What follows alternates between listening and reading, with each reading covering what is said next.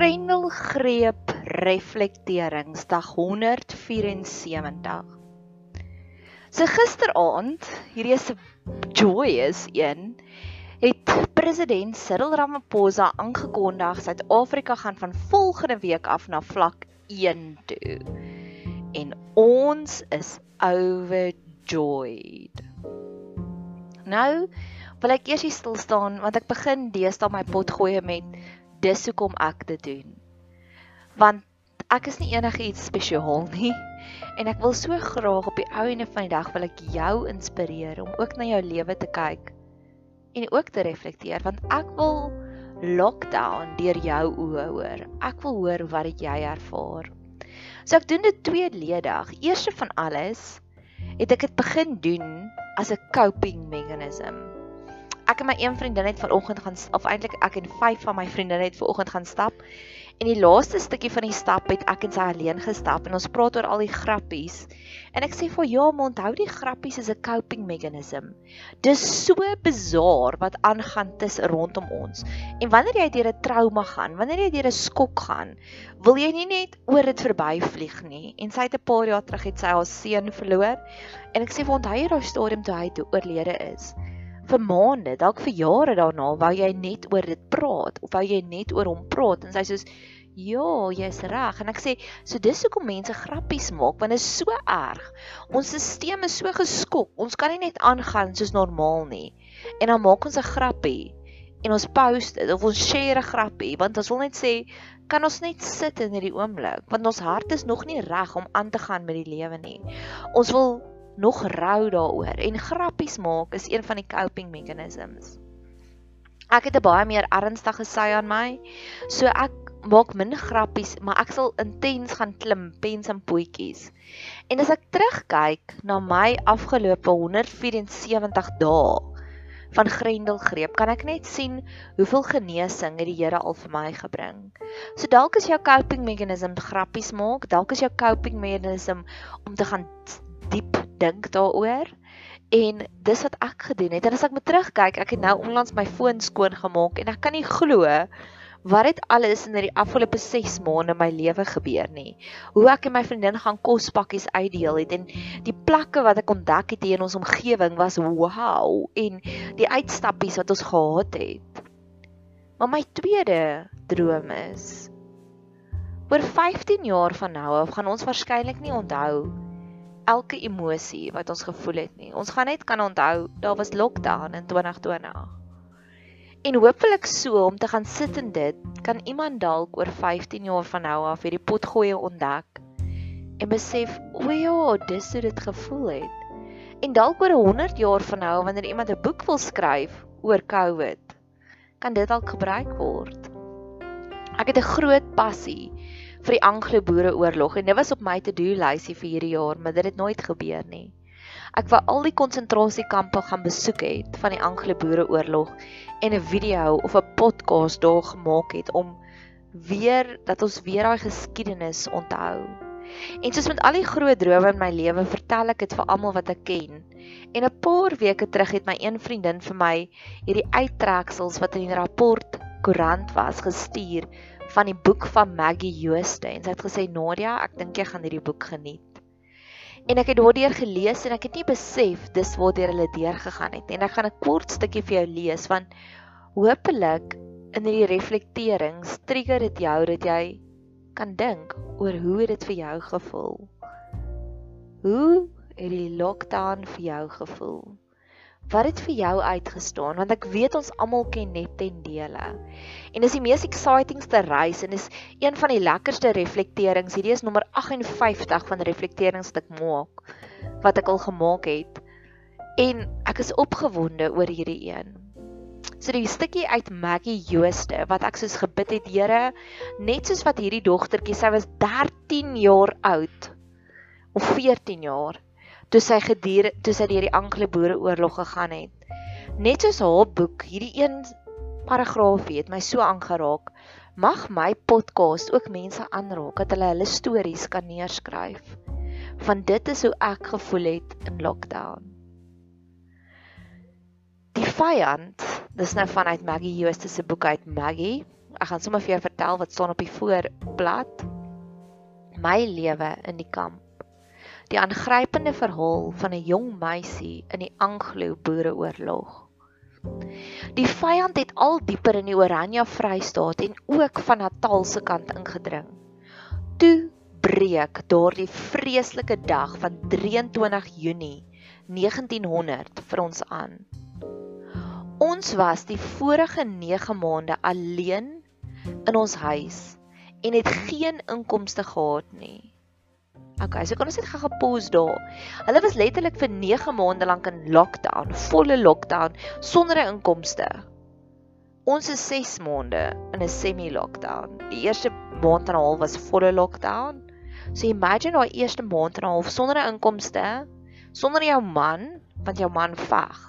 Imagine hoe erg moes dit gewees het want nou na lockdown kan ek verstaan, ja.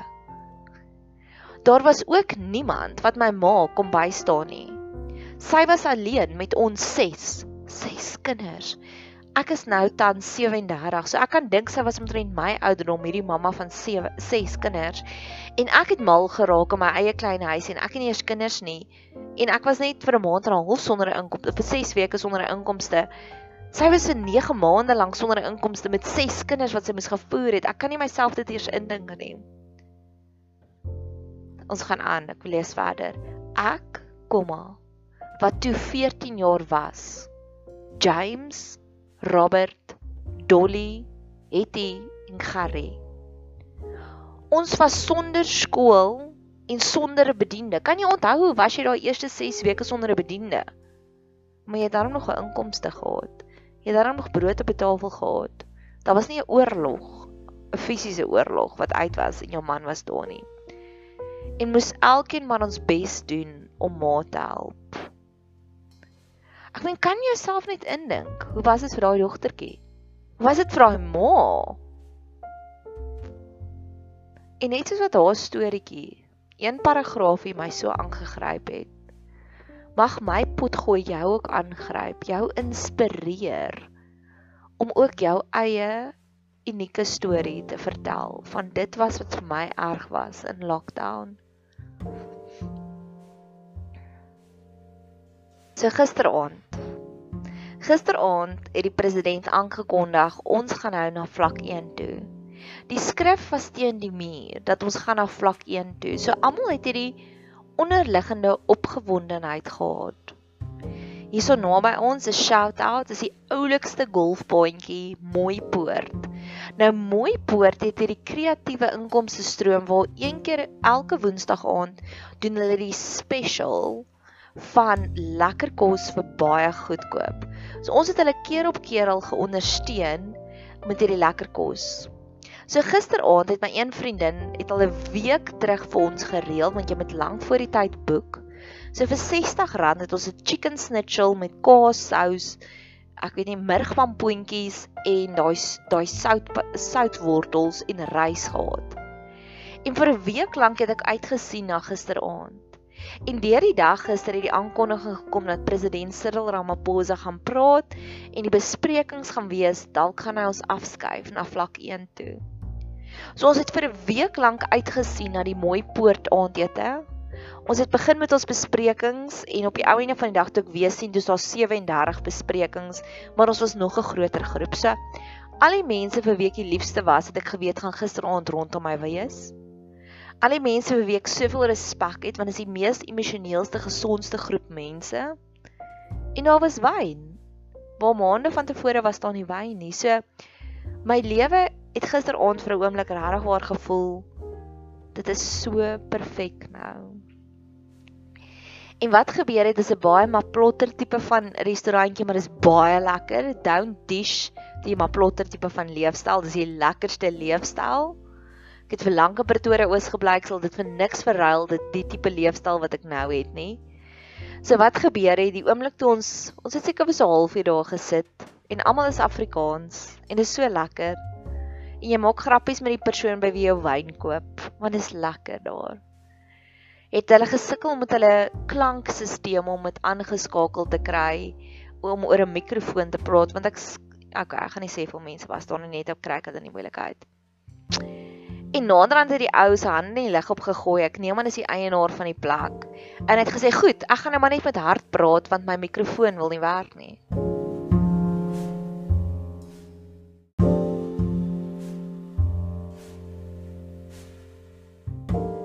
En almal het geluister na hom. En hy het gesê, "Sien julle daai groep mense wat daar sit? Maar hy het nie na ons gewys nie, moet ek net noem." Hulle wil graag na die president luister wat 7 uur praat. So kan hulle asseblief eers te hulle kom kop kos opskep want dit is 'n tipe van 'n buffet hoe dit werk. En hy sê want julle weet mos die president praat vanaand want hy sê mos daar's een of ander gogga in die lug wat dalk moontlik sleg vir ons kan wees en almal het gelag. En hy het aangegaan en hy het gesê asseblief julle hou social distancing, maar die mees belangrikste gaan koop eers jou kaartjie by die kroeg en dan gee jou kaartjie in om jou bord kos te kry. Hy sê ons worry nie te veel oor maskers hier nie. Vergeet die masker, hou die onthou die kaartjie. En almal het gelag. En dit was in daai oomblik wat ek besef het daardie kameraadskap, daardie unity wat 'n klomp vreemdelinge by 'n maplotter plek ondervind het was so 'n holy sacred moment. Ek dink nie ons gaan ooit weer so oomblik hê nie. Ons gaan nooit weer waarskynlik so in eenheid kan staan soos dit ons in daai oomblik in die eenheid gestaan het nie. Die onderliggende opgewondenheid van die president praat en hy gaan ons afvat na vlak 1 toe. Die grappies wat gemaak word oor social distancing en maskers. Ons almal is saam deur hierdie stryd. Ons almal het 'n storie van hoe ons in 'n winkel ingestap en dan iemand ons gestop en gesê, "Waar's jou masker?" en jy het omgedraai oomblikke wat 'n jaar terug as jy my vertel het Nadia dis wat jy gaan beleef 'n jaar van nou of sou ek vir jou gelag het en vir jou gesê het ons lewe nie in the matrix nie dit klink soos 'n sci-fi film en nou 'n jaar later dis wat ons beleef het die oomblik was net vir my so groot van ons almal is saam in dieselfde bootjie En ek het begin en ek het rondom die tafel gevra om te sê so waarvoor hoop jy vir vlak 1? En dis hoekom ek jou so wil inspireer om jou storie te vertel. Want om die tafel het elkeen vir iets anders gehoop. Die een het gehoop grense maak oop want sy het 'n vriendin wat bly en wat 'n gastehuis het in Mosambiek. En sy sê dat daai mense weer 'n inkomste kan kry. Die ander een het gesê sy hoop dat die maskers word weggevat. Ek haar hoop was nie waar geword nie. Die ander een wat 'n dogter op eerste jaar het en 'n seun in graad 11 het gesê sy hoop die matrieks kan hulle matriek laaste dag hê en hulle matriek afskeid. En sy het in detail en met passie beskryf haar kinders is in affies, die een was in affies, die ander een is in affies en ek weet hoe kultuur en tradisie ryk is affies en affies gaan baie groot om daai laaste dag van skool vir die matrieks baie merkwaardig te maak en sy het gesê haar hart breek vir die matrieks wat gaan moontlik gaan nog iets gaan uitloos daarop. Jy het gehoop vir ander dinge. En mag jy pause druk en jou storie skryf. En vir oggend het ek so 'n bietjie van 'n stoktyk gaan vat van elke keer waar die president 'n aankondiging gemaak het oor die afgelope 6 maande. En hopelik inspireer dit jou ook om jou storie te vertel. Wie weet, dalk is ek die Maggie Juste oor 100 jaar wat mense weer gaan herleef wat was lockdown.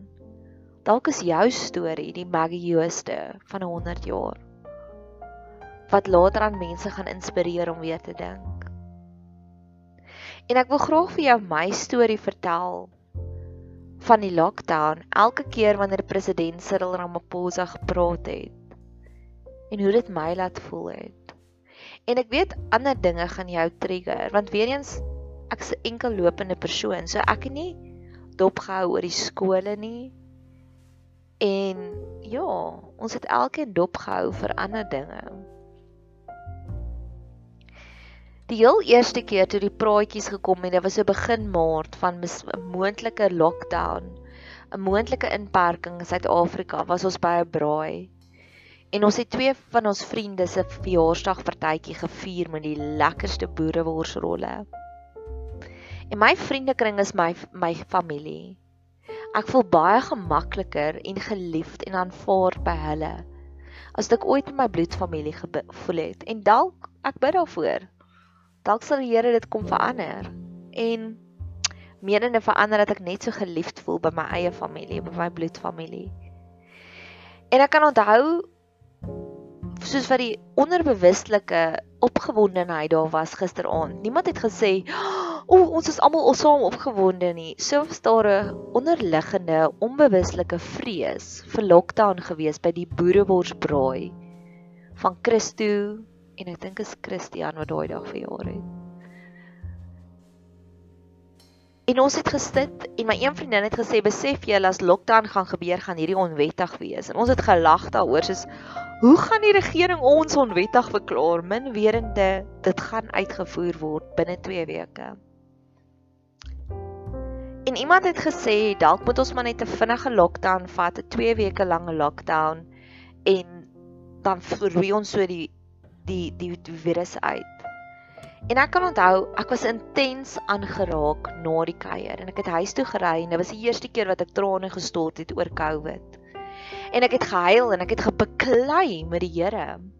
Here, hoe kan U dit toelaat? U wat 'n almagtige God is, U wat 'n God is van gemeenskap, want ek glo dit wat ons is as 'n vriendekring het, is die Handelinge Kerk wat ons praat oor God, ons praat oor ons probleme, ons ons praat geestelike goed en ons breek brood saam en ons eet saam en ons kuier saam en ek glo dis hoe die Handelinge kerk was.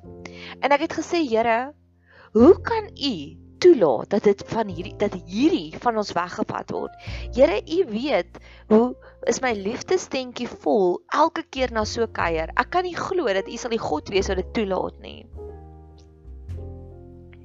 En ek het teruggekom en ek het lang, lang voice notes podcast gemaak oor gebeure teen lockdown. Ek het so gerebelleer. Jesus het vir vir Saul, wat toe nog Saul was wat later Paulus word gesê, dis vir jou moeilik om teen die prikkels te skop en ek het heavy geskop teen daai prikkels. En toe 'n week later het die aankondiging gekom van die skole maak toe. En toe die skrif begin te die muur gaan dat ons gaan waarskynlik in 'n volle lockdown gaan. En die volgende Sondag aand was daar weer 'n aankondiging. En die vorige Sondag aand toe die aankondiging gekom het van die skole wat toemaak, het die grappies begin surface om te sê wie sou ooit kon dink dat 'n hele nasie kyk televisie om te sê wat kyk wat gaan die president aankondig. Want op daardie stadium was dit nog 'n volksvreemde term dat ons as 'n nasie sou saam staan teen iets want dit gebeur nooit nie. Jy kyk Friends, ek kyk Top Billing en sy kyk Port Blanche op TV. Ons kyk elkeen verskillende goed. Maar haar eerste toespraak het die hele nasie gekyk en die volgende dag het die hele nasie oor dieselfde ding gepraat. 'n Week later kom president Cyril Ramaphosa weer 8uur. Hy was onderstel om 8uur te wees op die TV. En so sal ons optel dat elke keer as hy 'n uur laat, dalk is baie keer was hy 'n dag laat. En ons het geliefd geraak daarmee. Ons het verliefd geraak. Wat is die woord? Ons het gemaklik geraak daarmee. En 'n week later op 'n Sondag aand stik alleen in my kamer in my woonstelletjie en ek kyk op YouTube en ek kry hierdie koue rillings oor my liggaam. Want dis min wat ek bid en die Here gee nie vir my my sin nie. Ek's 'n spoiled brat. En president Cyril Ramaphosa kondig aan na sy wye lockdown van daai donderdag, van daai Vrydag, donderdag om 12:00 af. En hy kondig aan as jy nie by die reëls gaan bly nie, gaan die weermag dit enforceer. 2 weke later 2 weke 2 weke terug onthou ek my woorde hoe gaan hulle dit regkry om ons in lockdown te hou? En ek besef daar's duisende soldate wat release word om seker te maak ons bly in die huise. En dit was kort nadat die sosiale rumors sosiale media rumors die ronde gedoen het van die regering in China die die weermag in China wat mense vas swys in hulle huise en of dit ooit waar was of nie en ek besef hierdie gaan gebeur. En ek het eers gedink ag ek's 'n gesondheidswerker, ek gaan nog steeds kan werk. En ek kondig aan selfs gesondheidswerkers, net die mees essensiële mense mag begin werk. En daai saadjie begin te drop 3 weke sonder inkomste. Dis wat jou voorland is, Noria. En hy kon nog verder verder aan geen wyn, geen alkohol verkoop. En dit is okay, hierdie word erger.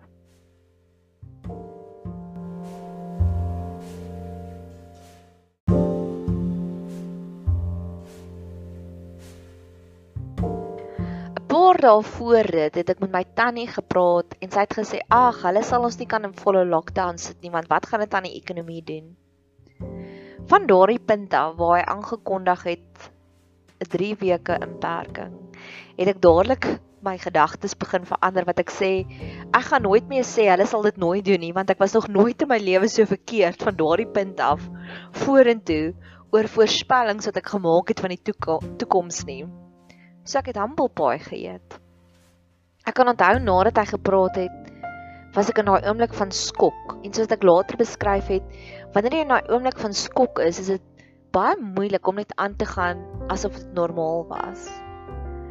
En ek kan onthou op daai stadium het ek wou ek weer, ek wou gaan sit in dit. Ek wou nie net gaan slaap het asof niks gebeur het nie. En ek het my katedraal vriend gebel, net gesê ek is so geskok. En hy sê ja, hy is ook geskok en ons het lank daaroor gepraat want ek wou nie net aangaan asof dit normaal is nie. En die oomblik van verlenging het daar begin want ek het preke begin luister. Ek kan onthou ek het 'n lewende woord preek geluister wat hulle ook beskryf het in daai oomblik. Waar was jy daai oomblik? Hoe het jy gevoel daai oomblik? nou nog in boeke wat ek lees wat deur geskryf is deur Amerikaners sal hulle vir jou beskryf presies waar was hulle met die aankondiging van 9/11 en hoe het hulle gevoel en hoe het hulle geoorreageer of nie geoorreageer nie maar hoe het hulle gereageer en meeste van daai mense sal sê hulle dadelik die foon opgetel en met hulle geliefdes gepraat en dit was daai oomblik van geskiedenis wat gebeur het op daai Sondag aand 8uur half 9 hoe laat hy ook gepraat het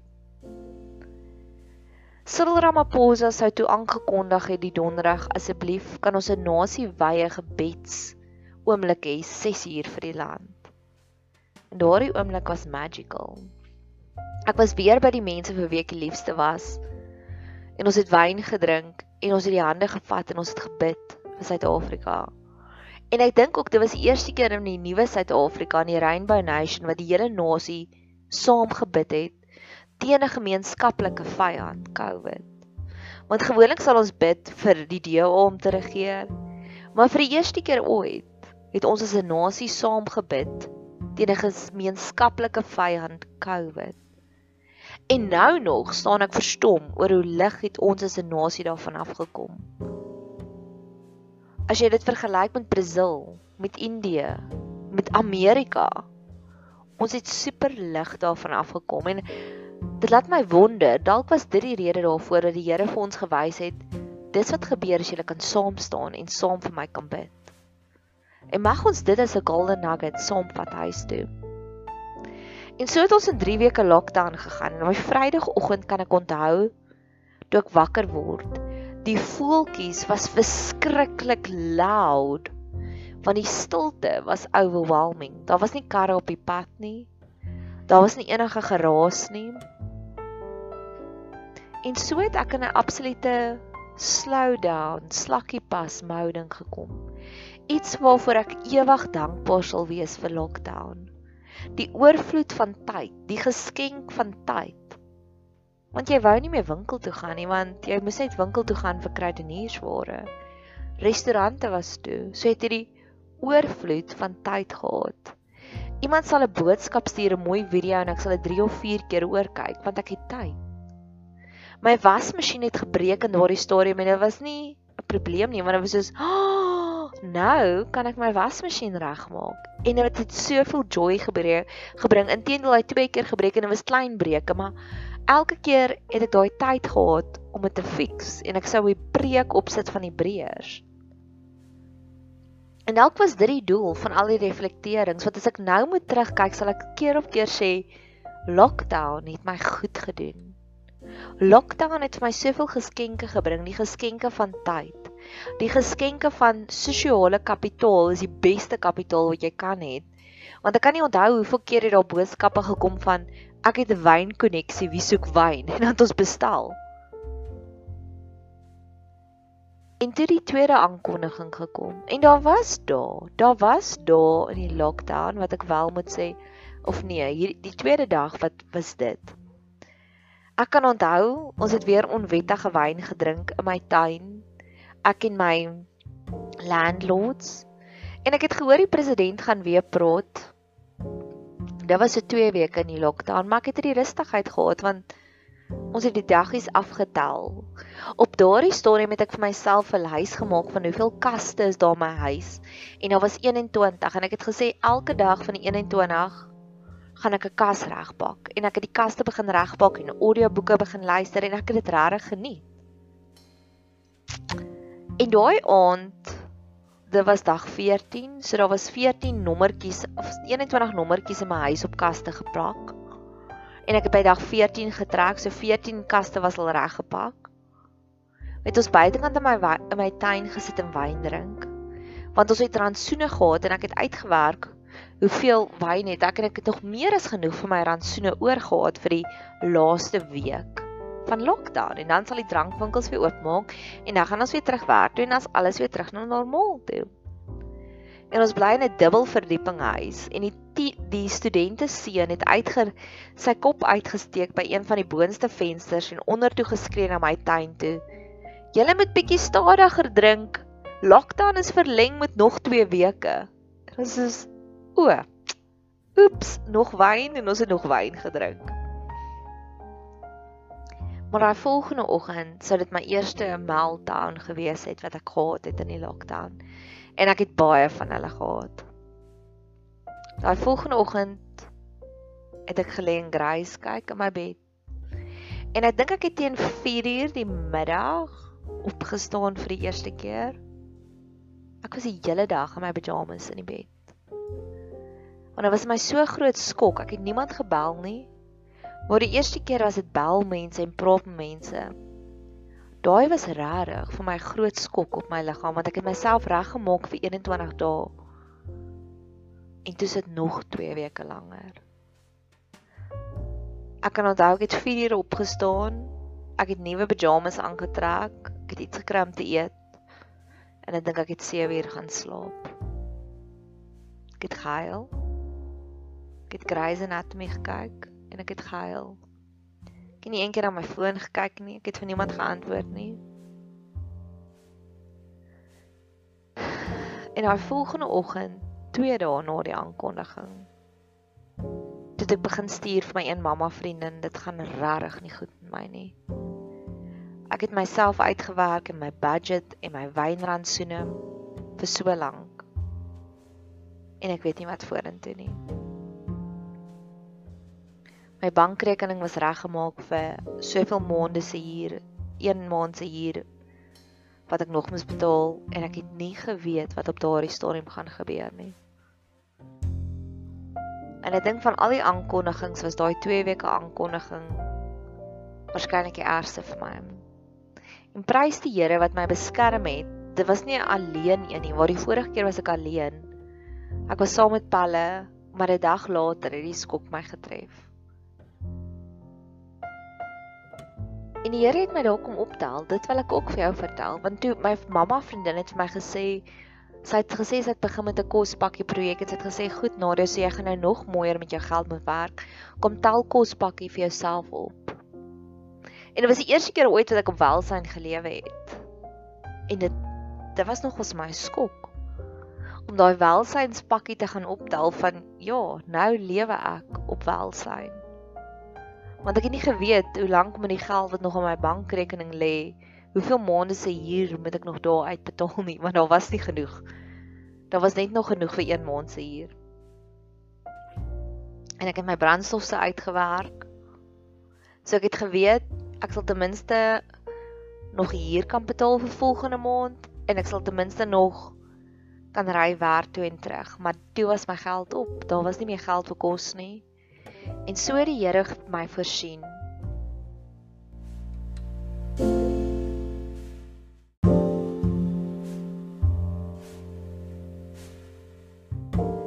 met welsyn pakkies. En eh, daar was op 'n stadium wat ek die nota gemaak het in my dagboek. Here, my bankrekening was nog nooit so leeg nie, maar my koskaste was ook nog nooit so vol nie. En ek kan onthou hoeveel keer en ek het 'n podcast reeks ook daaroor gemaak van visse. Daar was op 'n stadium wat visse baie gesterf het rondom my. Weird storie gaan luister jy in jou vis journey om julle storie te vind. En dit was asof die Here vir my gesê het jou normale inkomste strome gaan sterf, maar jy gaan nog steeds op ander bronne jou broodjies en visse kry, moenie worry nie. En dit het voor my uitgeleef. Ek was nooit paniekbevange nie want ek weet ek het baie vriende vriendinne wat ek weet wat nog steeds 'n inkomste gekry het en sou dit op die push kom en ek vir hulle vra help my asseblief finansiëel weet ek hulle sou. Maar daai trots dit het my 3 dae gevat om te admit ek lewe nou op welsynspakkies ek lewe nou op kospakkies trots ons suid-Afrikaanse boere trots. Dit was my groot skok van okay jy's nou op welsyn Nadia So dit was die laagtepunte fisies vir my en slaaplose nagte van worry oor inkomste en worry oor geld en worry oor um oor hoe gaan ek hier betaal want ek hier by vriende van my. So daar is nie 'n kwessie van skiep een maand nie. En die Here het my deurgedra. Ek het nie een keer in skuld verval nie en ek so dankbaar daaroor. So 'n paar weke later sou die sou Ramaphosa weer aankondiging maak en ons het gehoop hy vat ons dan na vlak 4 toe. Maar ek het so aan PTSD, post traumatic stress disorder begin ly oor wat gaan hy hierdie keer aankondig? Want ons het vermoed 2 weke in gaan hy sê goed, oor 'n week gaan ons ligter gaan en dan gaan julle almal weer terug aan die werk toe. Dit was een van die twee groot, nee, daar was 3 skokke wat hy gebombardeer het met ons. en hy het die aankondiging gemaak. Hy sou die aankondiging gemaak het eers deur die dag. En ek het vir my vriendin gesê ek kan niks doen nie, die een wat die kospakkies doen. So toe sê ek vir haar, "Kan ek na jou toe kom en dan kyk ons saam die aankondiging?" En sy het gesê natuurlik. En hy sou 11 uur die dag gepraat het en die praat hy nie en toe sou hy 7 uur die aand gepraat het.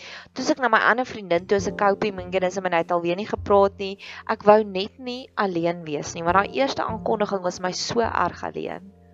En later toe ek wel, ek het nie eens daai aankondiging gekyk nie en hy het genoem, "Goed, ons gaan nou na vlak 4 toe. Vlak 4 beteken die eerste ding wat ek gehoor het, ek kan terug gaan werk toe." Wat ook omtrent vir 2 dae nog so 'n bietjie um onduidelik was, maar eventually toe dit nou deurgekom, ek se motigenis, ek kon terug gaan werk toe en dit was soos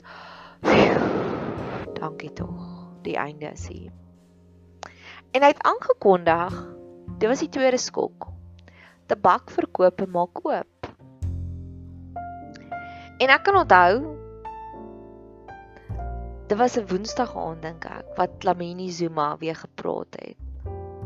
En Cyril Ramaphosa het gesê tabakverkope maak oop en een van my vriende wat in Kanada sit met wie ek gepraat het, sê ek hom ons voel soos 'n kommunistiese stelsel wat ons ons in Namibië was die enigste land wat tabakverkope en alkoholverkope was verbaan. En ek het hom gesê dis my aanklag, dit voel regtig vir my soos 'n kommunistiese stelsel En dit was vir my 'n groter ergerheid om dis, te besef dis die krag wat die regering het oor ons. Ewe skielik en woorde soos 'n drakoniese leierskap het keer op keer oor Suid-Afrika gekom. En hy het gesê ja, as dit op pad is na 'n kommunistiese stelsel wat gaan gebeur is as jy begin gelig word, die lockdown gelig word, maar sekere reëls bly nog steeds in plek, dan jy reg, dan is daar kommunistiese propaganda. En die aand en ek het nie eens gekyk toe Lamini Zuma gepraat het nie. Toe Lamini Zuma gepraat het gesê tabakverkope is weer verbân. En daai volgende donderdagoggend toe ek wakker word en ek kyk na my foon en ek sien al die hierdie hierdie uitba outburstings op WhatsApp, het ek besef, oh, hier's regtig iets baie sinister aan die gang want ons het almal geglo en gehoop en vertrou dat Ramaphosa het hierdie besigheidsbrein so hy besef al die sintakses wat hy steel van die land om die tabakverkope te verbân. En ewe skielik het sy ingekom van die kantlyn af en dit weer verbân. So dit was die tweede skok vir my wat jy regtig ek het op daai stadium begin bedink wie is regtig in beheer, Here? Is dit my my kathedraalvriend noem dit die goodies en die baddies? Is is Ramaphosa maar net 'n pion en daai skok op die stelsel, maar dit gaan nie oor die tabakverkope nie. Dit gaan oor want almal wat aan afval gerook het, het aan afval op daai stadium al klaar onwettige kanale gekry van hulle Zuma sigarette wat hulle sou genoem het. So dit het nie gegaan daaroor nie, dit het gegaan oor wie is regtig in beheer. Want ons het vertroue in Ramaphosa. Maar as Ramaphosa en dit sou iets wees wat later ook weer uitkom, nie sy eie span onder beheer kan hou nie, dat sy kan opgaan En daar het jaar, daar het weke lank is debatte gekom te sê dit was Lamini Zuma se besluit of nee Ramaphosa het dit goedgekeur en nou nog weet ons nie eintlik waar hy besluit vandaan gekom het nie maar daardie was my tweede groot skok op my stelsel. Want die inperking het ons vermoed, maar ons het nie vermoed dat hy gaan verleng word nie. En ons het onsself reggemaak vir 21 dae. Maar toe die 21 dae langer geword het, nou kan ek my eie sommetjies doen nie. 5 toe die 21 dae 35 dae geword het was ons heeltemal gegooi. En vandag staan ons op dag 174 dank die Here ons kan in die toekoms sien nie want as jy vir my daai stadium gesê het Nadia jy gaan op 174 dae later nog steeds voice notes maak podcast maak met die titel Grendelgreep inperking en is amazing hoeveel sterker ons eintlik is as wat ons besef So ja, toe was dit die kontroversiële debat oor die tabakverbanning. Maar gelukkig kon ek teruggaan werk toe. Ons het wel nie alkohol gehad nie, maar ons kan teruggaan werk toe. En die joy wat die teruggaan werk toe vir my gegee het, was so lekker. Ek kan onthou die eendag toe ek weer in verkeer vassit want daar was 'n ongeluk, het ek video's gemaak om te sê, "Yes, Here, ons ons is besig om terug te gaan na normaal toe want vir jare lank het ek gefight en gebid teen teen verkeer. En op hierdie oomblik was dit, oh, daar is verkeer. Dit beteken ons verkeer weer terug na normaliteit toe. Ek het dit geniet die oomblik toe ek weer terugstap vir die eerste keer in 6 weke in die praktyk in. En die verwelkomings wat ons gegee het vir mekaar, die liefde wat daar was vir mekaar. Ek het dit geniet, reflektering weer eens, die diep gesprekke wat ek ewe skielik met my pasiënte het. Want as jy na 'n mondhygiënis toe kom, is dit baie klinies. So jy praat net flos jy, maar ewe skielik kon ek vra so, hoe het lockdown jou behandel? En elkeen het 'n ander storie gehad. En daarvoor was ek intens dankbaar want ewe skielik was dit vir my baie maklik om te connect met my pasiënte. En ek het ook gesê op 'n stadium, ek oefen nie want ek het nie genoeg tyd nie. En in lockdown het ek daardie stelling van myself ook reg bewys want ons bly hier in 'n estate. So ons het aangehou oefen. Ek was nog nooit in my lewe so fiks nie en ek het baie gewig verloor in lockdown want ewe skielik kon ek gaan draf en gaan stap. En daar was daar, ons het 6 dae van die week gaan stap of gaan draf. En daar was daar wat ek sommer 2 keer op 'n dag gaan stap of gaan draf het. Want ewe skielik het ek tyd gehad. So nou kan ek dit mooi sien, maar Daar was keer op keer meltdowns waaroor ek nog gaan praat.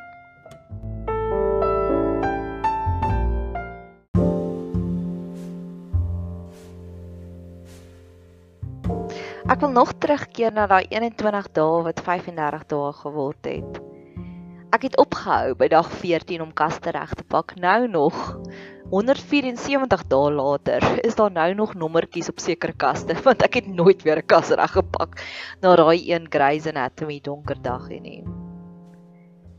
En ek wil terugkom by die avonture want ek is Enneagram 7 so wat vir my die ergste was is impromptu kuiertjies was weg, spontane kuiertjies was weg.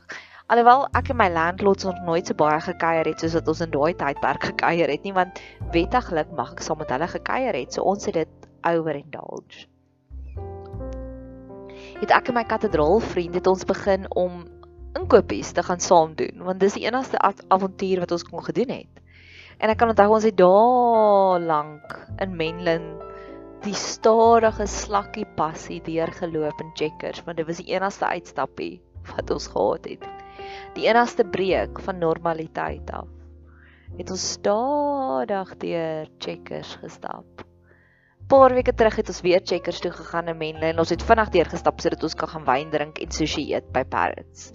Want ewe skielik is al soveel meer avonture. So selfs krydeniers inkopies was nie meer net gewone krydeniers inkopies nie. Dit was 'n avontuur. En ons was in elke liewe moontlike winkel wat krydeniers verkoop het. Ons het die hele Pretoria plat gery net vir avonture. En dis oomblikke soos dit wat ons altyd sal koester. En dis oomblikke soos dit wat altyd vir my gaan laat glimlag. Maar terug in vlak 4, so het ons begin klimatiseer in vlak 4. En elke keer wanneer jy verby 'n toedrankwinkel gery het, het jy na verlangende oë gekyk daarna. En 'n paar weke later het president Cyril Ramaphosa weer die aankondiging gemaak, ons gaan nou na vlak 3 toe. En vlak 3 beteken drankwinkels sal oop wees van Maandag tot Donderdag en nog meer mense kon teruggaan werk toe. En dit was 'n joyous maandag. Dit was een van die lekkerste maandae van my lewe. Ek het gery soos 'n tipiese investigator van drankwinkel na drankwinkel om te kyk wie die langste rye en ek het foto's geneem en ek het storieetjies gepost en die aand het ons almal op my vriendin se stoep gaan sit en gaan kuier. Ons almal het stories vertel van hoe het ons uitgesmokkel uit ons werk uit om vinnig gou 'n boksie wyn te gaan koop. En ons het met bokse wyn gekuier daardie maandag aand en dit was lekker en ons het gelag en ons het dit was so 'n joyous occasion. En dit was so een van daai oomblikke dat wat ek weet wat ons nooit weer in ons lewe waarskynlik sal oor hê nie. En toe het die derde skok aankondiging gekom. Op 'n Sondag aand het president Cyril Ramaphosa aangekondig van immediate effect is al die drankwinkels toe. Dit was 'n Sondag aand. En ons almal het al ons rantsoene uitgedrink oor die naweek. En hierdie keer, want in vlak 1 het ons al daardie kosbare bottels wyn wat ons gedink het ons gaan nooit drink, het ons opgedrink. En hierdie keer was ons regtig waar droog. Ek kan onthou die volgende dag was ek so in skok toe ek werk toe gery het dat ek gedink het ten minste kan ek nog gaan werk. Dit kan baie erger gewees het. En ek het gestop en ek het pink marshmallow koekies vir almal by die werk gedrink want ons is almal party animals by die werk. En ek het vir hulle almal hierdie pink marshmallow koekies gaan uitdeel om te sê ek is so jammer oor wat gisteraand gebeur het, maar kom ons eet 'n koekie. Ons kan darm nog suiker eet. En almal het gelag en dit was 'n lekker oomblik. En paar dae later sê my sou my werkgewer vir ons almal uh, Burger King gekoop het want vir die eerste keer saam daar was dit die eenheid by ons werk wat daar nog nooit van tevore was nie. Want ons almal was hartseer oor die feit dat ons nie meer wyn kan koop nie. En 'n paar dae later sê my praktykbestuurder met iemand wat wel 'n drankwinkel het, sê ek worry oor my mondhygiënis want sy het nie wyn nie, kan jy help? En dit was so lekker. En as ek nou weer moet terugdink, dit was sleg die feit dat drankwinkels toe was, maar ons het oomblikke van pink marshmallow koekies. Ons het oomblikke van Burger King by die werk. Ons het oomblikke van waar my praktykbestuurder wat nie drink nie, actually vir my wyn gereël het. en dis die oomblikke wat ek kies om te onthou daarna. En 'n paar weke later, toe ons na vlak 2 toe, en tabakverbannings was gelig en alkoholverbannings was gelig. En ek het wel die dag 'n wyntjie gaan koop. Maar dit was nie soos daai eerste keer nie. Ek en my vriendin het hier op my bank gesit en ons het ons eerste wyntjie saam gedrink. En dit was lekker, maar dit was nie so joyous soos die eerste keer nie. Die eerste keer was dit 'n partytjie met bokse wyn. En hierdie keer was dit 'n meer gesofistikeerde kwartjie. So gisteraand toe hy die aankondiging maak, het nie een van ons eers geluister nie. Ons het gesit en kuier. En dit was so lekker. Daar sit die toneel in Grey's Anatomy. En ek gaan hom nou vir jou speel waar Christina Yang sing I made it through the wilderness. En ek glo dis vir ons nou is. So dalk moet ek hom sommer nou vir jou speel.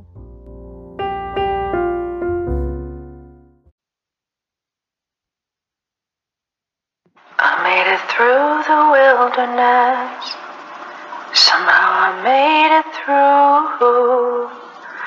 Didn't know how lost I was until I found you. I was beat, incomplete. Should I be doing something? been Can I, I was sad and blue, but you made me feel. Yeah, you made me feel shiny and new, like a virgin. Hey, touched for the very first time, like a vir.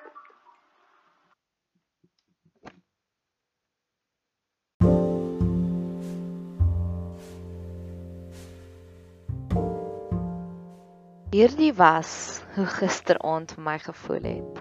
Hierdie was hoe vanoggend vir my gevoel het. I made it through the wilderness. Ek het geweet toe al hierdie gesprekke begin het, hierdie oomblik gaan kom. Ek het nie gedink ek gaan 174 dae moes wag vir hierdie oomblik nie. Maar ek weet Jesus het langer gevat voordat hy Lazarus gaan help het omdat hy lief was vir Lazarus. En dalk was dit wat ek moes geleer het. Die dinge waarvan ons die langste wag is die dinge wat ons die meeste waardeer. Ek weet ons is sterker hierna. Ek weet van hierdie punt af vorentoe gaan ons sê dit is nie so erg. My ma het altyd gesê moenie huil daaroor nie. Dis nie so erg as die oorlog nie. En ek dink ons gaan nou sê dinge verander want ons gaan sê moenie huil daaroor nie want dit is nie so erg soos lockdown was nie.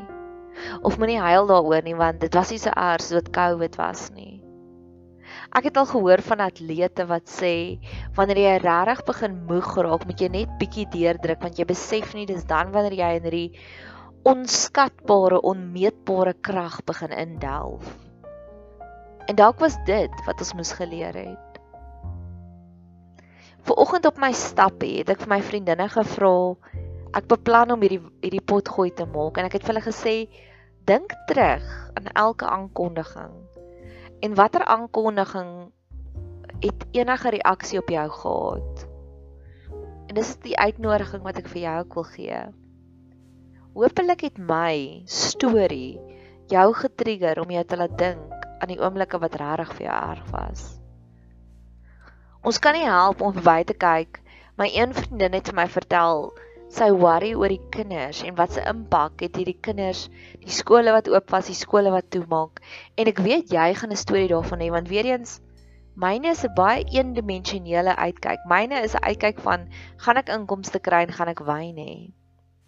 En jy gaan dalk vir my die storie vertel vanuit jou kind se oogpunt uit.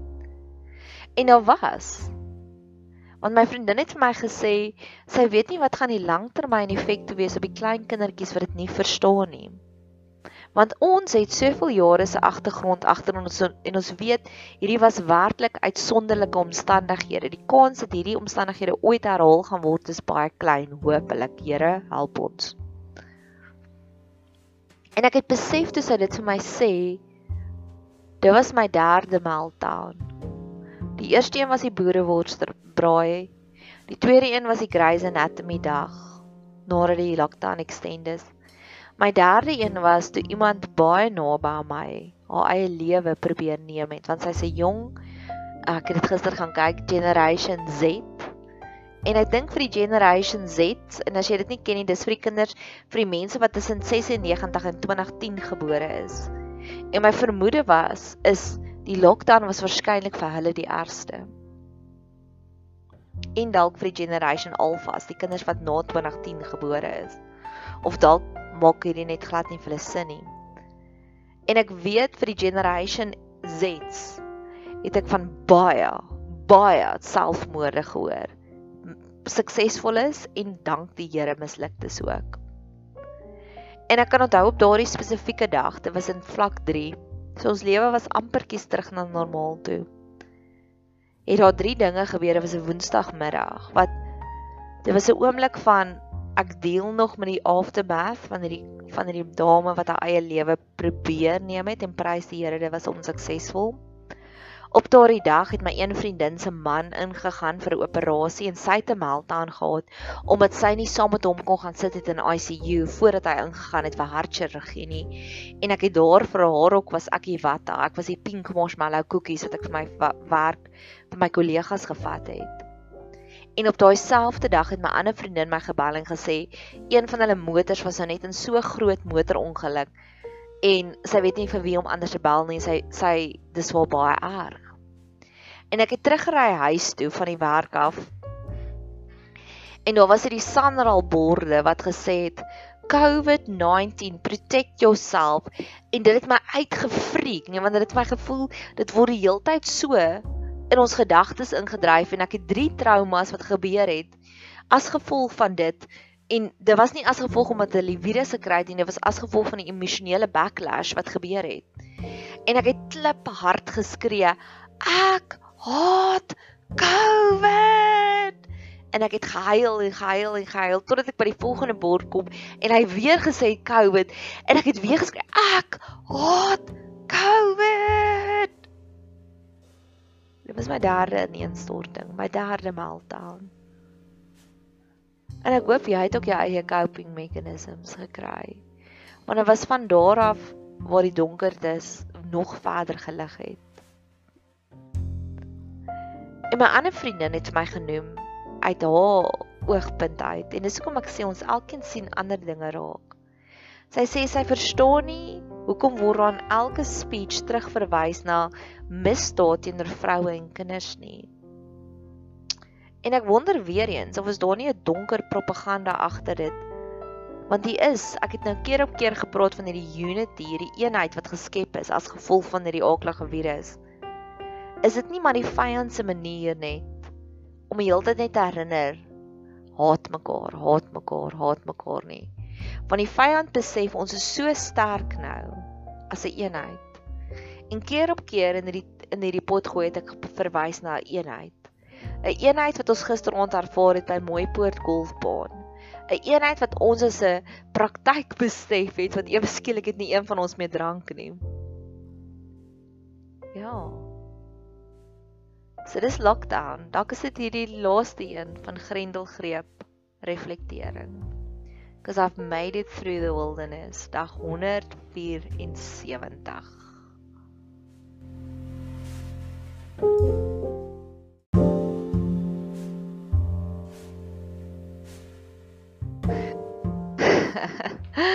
Die Heilige Gees is net so awesome. Ek het gedog ek's klaar en ek het vir my lekker broodjie in die oond. Dit klink baie baie suspicious, maar in elk geval is 'n beloning. Maar hulle praat gereeld van 'n tweede golf wat op pad is. Mag die Here ons daarteen beskerm, maar dieper, 'n tweede golf van emosies. En hierdie is 'n uitroep. My een vriendin werk in 'n hospitaal en sy was baie sterk gedurende dit. Maar ek kan nie op op ek kan nie dit ignoreer nie. Sy's in die war zone en ek ken ander mense ook wat in hospitale werk. Hulle was ons was gepantser. Sy moes deur vlak 5 werk en elke dag gesê uit haar veilige spasie uit waar die res van die land moes weggekruip het vir die virus, moes sy instorm soos 'n frontline soldier en in daai war zone gaan werk. En sy het vir ons stories vertel in die begin van almal is met hazmat suits daar rondom hulle. En dit was letterlik soos 'n war zone die hele tyd in die hospitale in. En ek kan nie op ek kan nie dit ignoreer om te sien dat sy haar spakel verloor nie. En op 'n stadium het ek gedink, ag, is dit omdat ons nie wyn het nie, want sy's baie sosiaal. Maar nou het ons wyn. En sy's nog steeds stil en sy het haar spakel verloor. En mag ons sensitief genoeg wees om daardie mense te sien wat regtig nou nog swaar kry. Wat regtig so 'n bietjie aan PTSD ly. Mag ons dit raak sien. Mag die Here ons lei dat ons die emosionele noodkrete sal raak sien van die kinders van mense wat frontline workers was van mense wat rou Ek het ver oggend 'n nota gemaak van worthy traumas, want die ander ding wat ek ook optel keer op keer is mense acknowledge nie hulle traumas nie want hulle dink dit is waardig nie. Baie keer sal ek met iemand praat en dan sal hulle sê, "Ja, lockdown was vir my sleg, maar daarom het ek nog 'n inkomste. Ek weet van hierdie persoon wat nie 'n inkomste het nie of daarom het ek nie siek geraak nie of daarom is het ek is lewe ek nog." Jou trauma is waardig. Ons almal is deur traumas. En ek hoop my eerlikheid en my kwesbaarheid waar ek jou vertel het van my traumas van hoe het ek ge-worry oor die geld? En hoe het ek gerou oor dat ek nie meer avonture het nie? En 'n simpel goedjies, maar vir my was dit erg. Mag dit jou inspireer om ook te gaan sit en te gaan dink wat was regtig vir jou sleg deur hierdie lockdown? So ja. Hoopelik is nou klaar dag 174.